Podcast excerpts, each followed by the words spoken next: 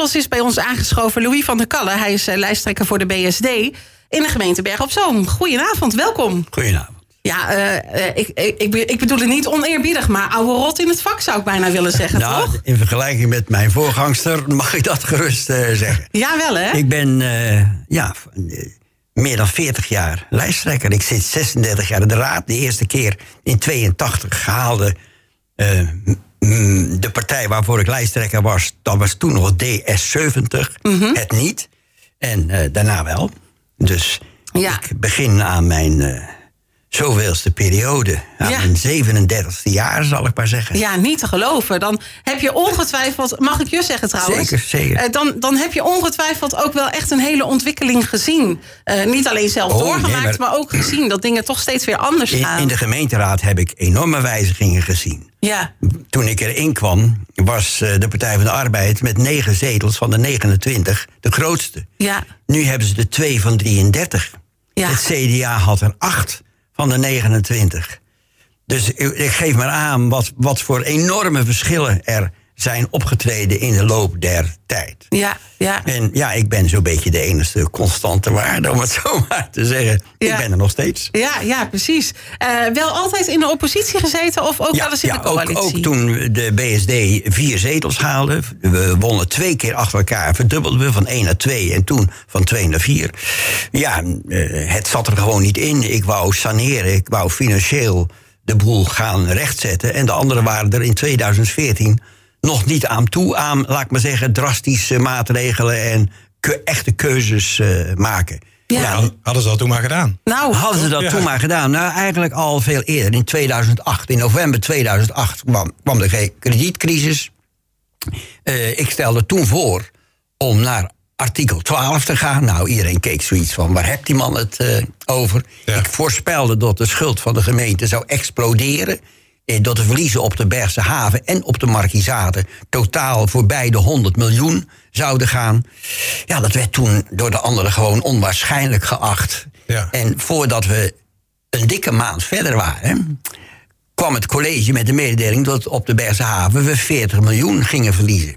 En als het daarbij gebleven was, had ik mijn handen dichtgeknepen. Maar het werd ruim 100, à 120 miljoen. Ja, ja jij zegt net artikel 12 gemeente. Dat is een, soort van onder curatele dan, dan, dan, dan zeg je, je steekt je handen omhoog en je zegt...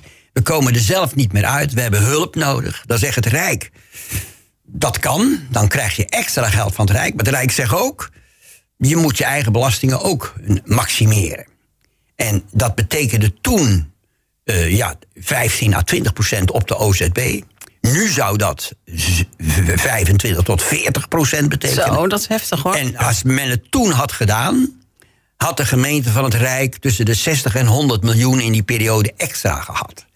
En dan zou het er heel anders uitgezien hebben. Dan waren we er nu bijna uit. Ja. Terwijl uh, de problemen nu zijn groot en blijven groot. Want echt drastische maatregelen willen de andere partijen nog niet nemen. De bewustzijn is er wel dat er echt iets moet gebeuren. Dat bewustzijn is bijna raadsbreed. Maar als je dan zegt, hoe gaan we dat dan doen? Het hoe? Ja, dan is het altijd een probleem. Dat is hetzelfde ja. met het focusakkoord.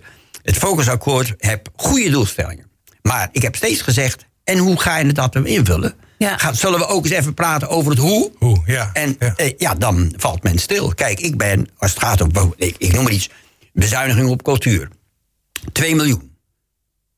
Ongeveer gelijk verdeeld over Markiezenhof, als, niet alleen als gebouw, maar ook als museum en als collectiebeheerder van de Bergse geschiedenis, de muziekschool en de maagd. En dan zeg ik, nou, het is heel veel simpeler.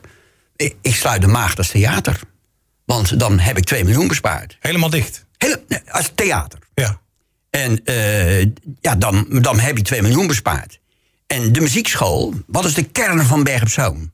Als je echt kijkt, nou, we hebben het net al meegemaakt. De vastenavond. Waarom is onze vastenavond zo uniek? Door de muziekschool. De muziekschool is eigenlijk vanaf de jaren 60...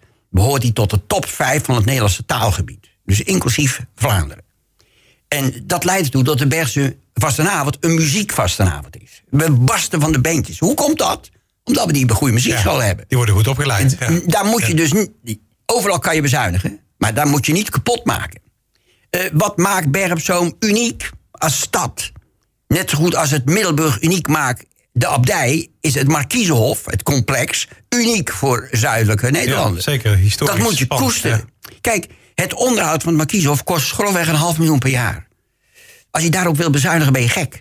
Want je moet gewoon dat behouden. Dat is Bergs cultuur, dat is Bergs bezit, dat is Bergs geschiedenis. Eh, tegelijkertijd, de meeste raadsleden kijken naar het Markieshof als museum. Ja, het museum brengt niet zoveel op.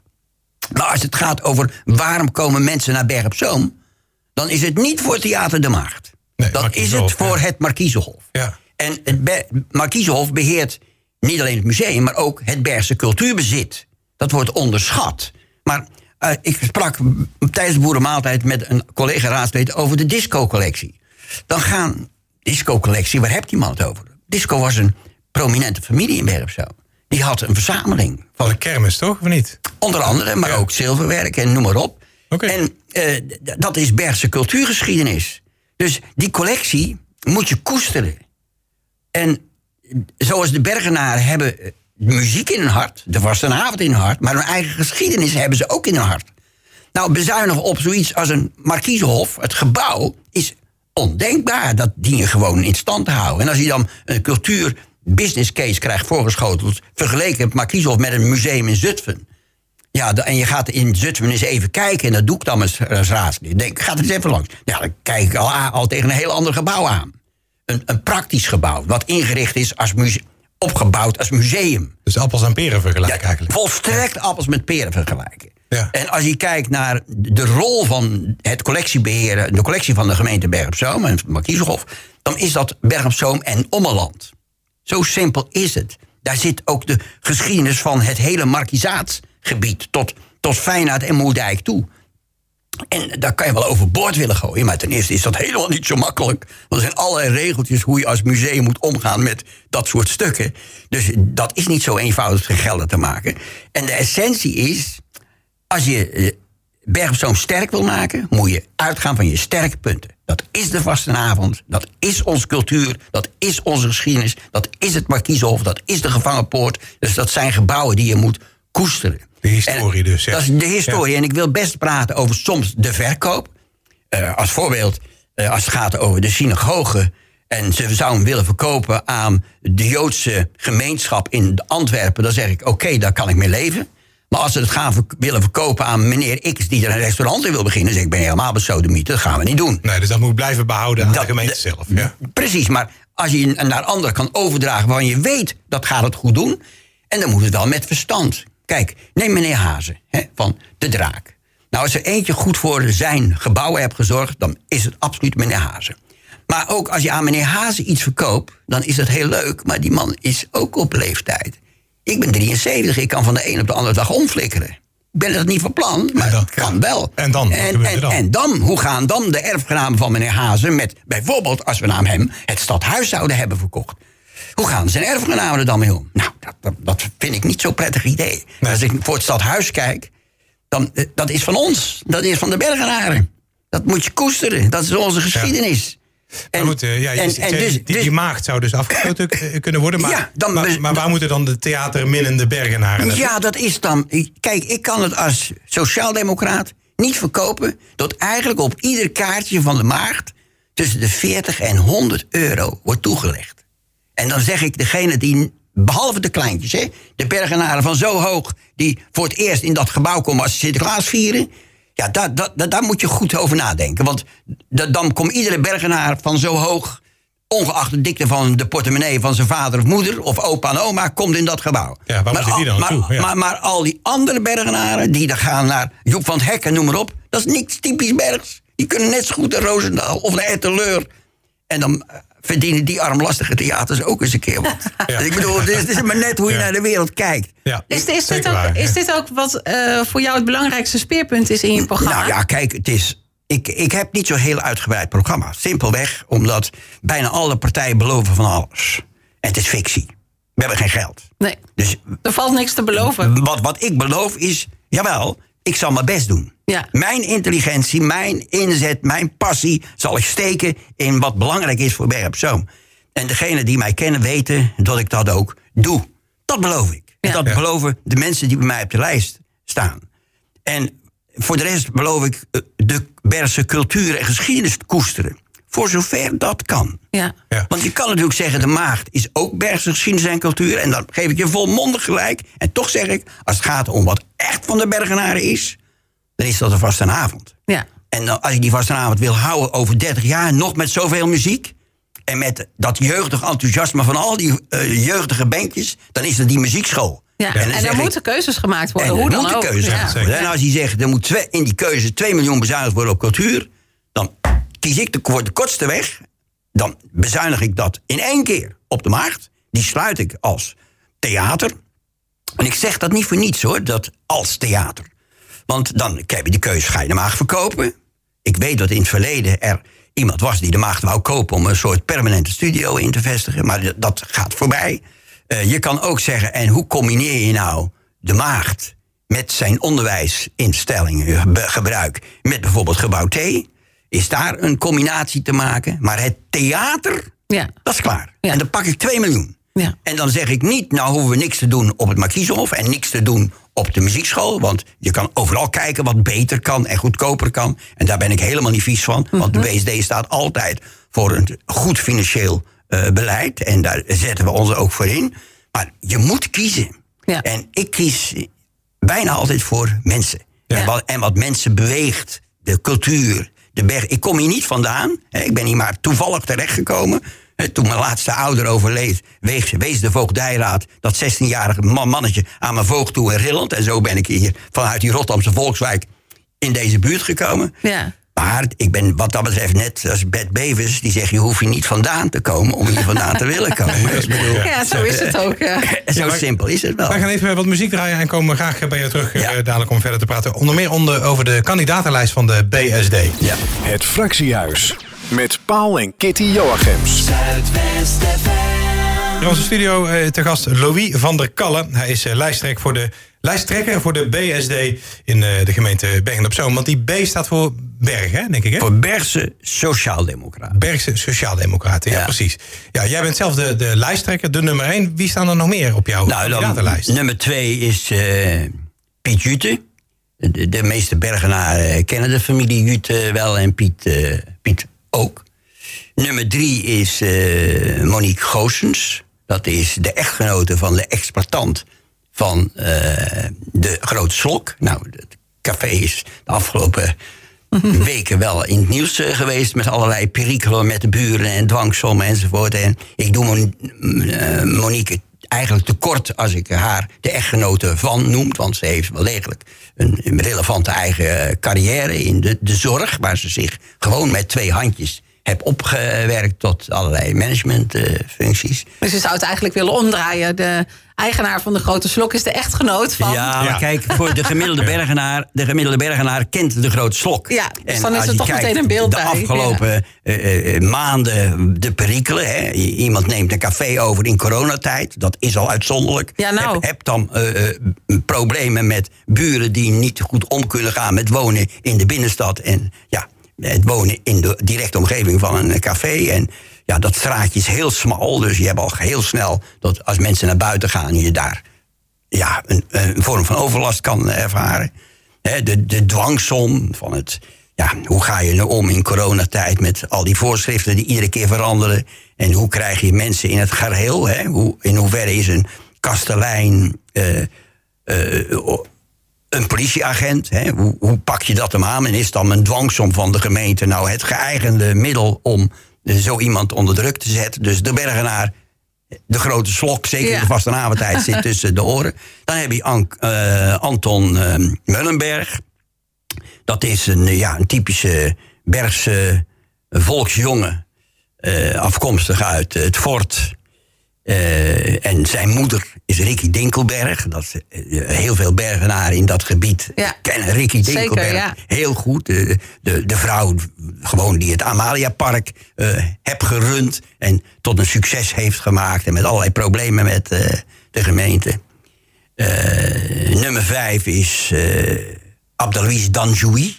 Dat is een Marokkaan die weliswaar laat naar Nederland is gekomen. Dus zijn taal is, zijn woordenschat is groot, maar zijn taalbereik is, eh, is wat moeilijk. Maar tegelijkertijd is dat een milieu, de milieuambtenaar van de gemeente Steenbergen. Dus dat is een hoogopgeleide eh, jongen die dus wel degelijk op het gebied van milieu en water wat in te brengen hebt. Nummer 6 is Roger van Dijk. Nou, degene die lang in Berg op Zoom meelopen, die kennen Roger van Dijk. Niet alleen als, als bon vivant, als vrolijke jongen, maar ook als jurist, hè, als advocaat eh, geweest. Nummer 7 is mevrouw Vicky Overveld. Filippo is haar meisjesnaam. Die is eh, financieel deskundige en runt in feite de financiën van de vliegbasis. Dus er zit wel degelijk kwaliteit eh, achter. Acht is Hans Bosman. Nou, wie kent Hans Bosman niet? De man van het facilitair bedrijf en alles wat hij, wat hij in zijn handen krijgt, dat, dat maakt hij. En nummer 9, dat is onze dwarsketel, Ankie Withagen. Nou, dat, menige bergenaar die denkt, Ankie Withagen, wat is dat voor... Maar dat is een dwarsketeltje, een hele creatief eh, dwarsketeltje. Eh, ja, ze, ze springt wel eens met sommige dingen uit de band... dat de mensen zeggen, wat, wat, wat doet Louis nou weer? Maar ja, daar zit intelligentie in, daar zit veerkracht in, daar zit vechtlust in. En het is, als je jong bent, niet altijd even makkelijk om dat goed te kanaliseren. Maar eh, ja, ik, het is een spring in het veld, politiek. Maar ja, dat, dat zijn eigenlijk de Past ook wel in het plaatje, Oh, toch? oh, helemaal. Ja, want, zeker, eh, ja. Kijk, Ja. Ik, ik ben natuurlijk ook niet de standaard politicus. Nee. Ik bedoel, ik, eh, ik, ik ben altijd een soort buitenbeentje geweest, maar dat is mijn hele leven ook. Ik bedoel, ja, toen ik geboren werd waren er al geen grootouders meer. Alles was dood. Ja, Mijn ja. vader overleed toen ik acht was. Mijn moeder toen ik zestien was. Eh, ja, je, dat, dat Rotterdamse volksjochie wordt dan verplaatst naar Rilland. Ik was 19 toen ik trouwde. En waarom trouwde ik zo vroeg met mijn Ank? Zij had ernstige problemen thuis, viel ook onder de voogdijraad. Ik viel onder de voogdijraad. En in die tijd, het klinkt gek, was hij voor de wet pas volwassen als hij 23 was. Ja. Of getrouwd. Ja. 23, ja. Ja, 23. ongelooflijk. dus dus wij trouwden, we hielden van elkaar, er hoeft niemand aan te twijfelen. Maar eh, we wilden wel zelf bepalen waar we woonden, Ja, waar we werkten. Ja. En of we wel of niet naar de avondschool gingen. Ja. Dus eh, je, zij was 18, ik was 19.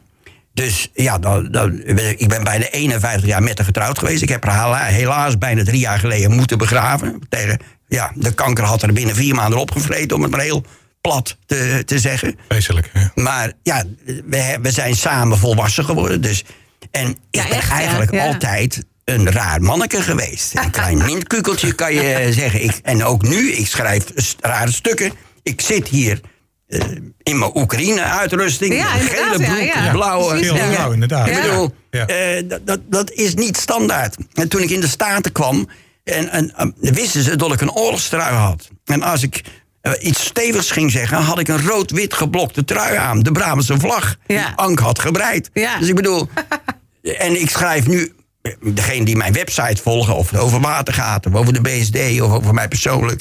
Daar schrijf ik ook wel eens artikelen over. Dat anderen zeggen, waar heb Louis het nou weer over? Ja. Bijvoorbeeld vandaag, waar ik de redenvoering van Zelensky eh, voor het Europees Parlement vergeleek met de reden van Haile Selassie in 1936 voor de Volkerenbond. Ja. Eh, ha- keizer Haile Selassie was, in, was een keizer in ballingschap.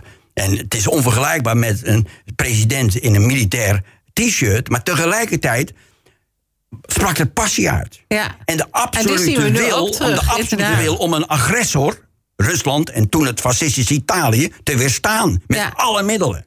Ja, En ja. Dus je, je kan zoiets vergelijken. En de, de Volkerenbond was, gedroeg zich machteloos. Ja. Net zo goed Ja. als het Europese parlement eh, eh, machteloos is als het gaat over de Russische agressie. Nou, daar schrijf ik ook over. Daar zijn ook Maar laten we even- Zeker, ja. Laten we even teruggaan naar Bergen. Want ik kijk even naar de tijd. En Ja. zometeen dan gaat het nieuws erin. En dat Ja. zou dan toch een beetje jammer zijn. Ja. Ja. En Want ik wil nog graag even van je weten, eh, Louis. Hoeveel zetels wil je halen bij de volgende Nou, verkiezingen? kijk, dat is, dat, eh, eh, politici schijnen altijd om de macht te gaan. Ja. Toen ik vier zetels had, eh, wouden de collegepartijen ook niet naar mij luisteren. dus dat maakt niks Als uit. ik twee zetels heb. Nou ja, nu is het een ietsje anders, omdat ik natuurlijk al een jaar strategisch samenwerk met de SP en met GroenLinks en met de Partij van de Arbeid. Ja, ik ga je even onderbreken, Louis. Want over 10 seconden komt de reclame het nieuws erin. Maar wij gaan je terugzien op maandagavond... eh, voorafgaand aan de, aan de gemeenteraadsverkiezingen... bij de grote Zuidwest TV-debatten. Dank je voor je komst naar de studio. Graag gedaan. Iedere woensdag van 7 tot 9. Het Fractiehuis. Op Zuidwest FM.